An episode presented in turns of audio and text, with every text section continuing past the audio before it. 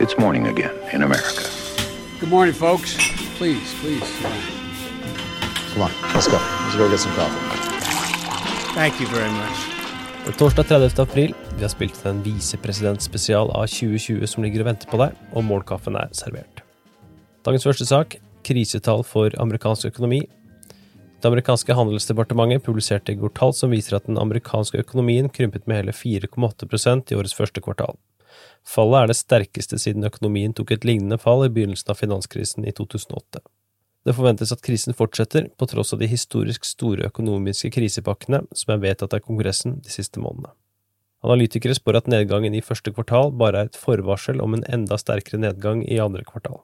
Donald Trump er imidlertid langt mer optimistisk. Denne uken uttalte Trump at han forventer en stor økning i bruttonasjonalproduktet i tredje kvartal og et fantastisk fjerde kvartal, som vil være starten på et utrolig 2021.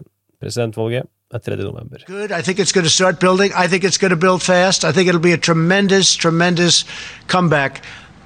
And you know, so I say, I built the greatest economy with all of the people that helped me and all of the people in this country. We built the greatest economy the world has ever seen, and we're going to do it again. De amerikanske smittetallene fortsetter å stige, og det har nå dødd 61 200 mennesker. Det er dermed flere amerikanere som har dødd av covid-19 enn under Vietnamkrigen. Dagens andre og siste sak, du må jo tross alt få med deg 2020. Gillibrand forsvarer Biden, mens flere krever svar. Senator Kirsten Gillibrand fra New York uttalte denne uken at hun fremdeles støtter demokratenes sannsynlige presidentkandidat Joe Biden etter anklager om seksuell trakassering. Tara Reid, en tidligere rådgiver på daværende senator Bidens kontor, har anklaget ham for en alvorlig hendelse i 1993. Gillibrand trekker fram at Biden har benektet anklagene, og at hun støtter hans kandidatur. Washington Posts editorial board ba imidlertid i går om at Biden selv adresserer anklagene, og at han frigir relevant materiell fra 90-tallet.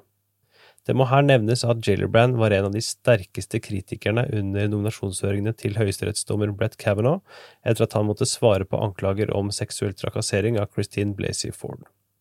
På oppfølgingsspørsmål fra en journalist om det er en slags motsigelse at Gillibrand ikke støtter Reed, når hun tidligere sto opp for Blasey Ford, så svarte Gillibrand at hun står ved Biden, og at han har viet sitt liv til å støtte kvinner, og at han har vært klar i å avvise disse anklagene.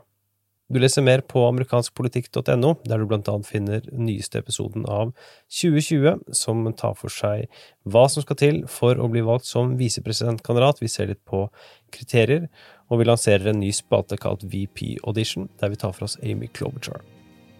Dagens utgave av Morgenkaffen er uansett servert av Vilde Ørno og undertegnede Are Togflaten.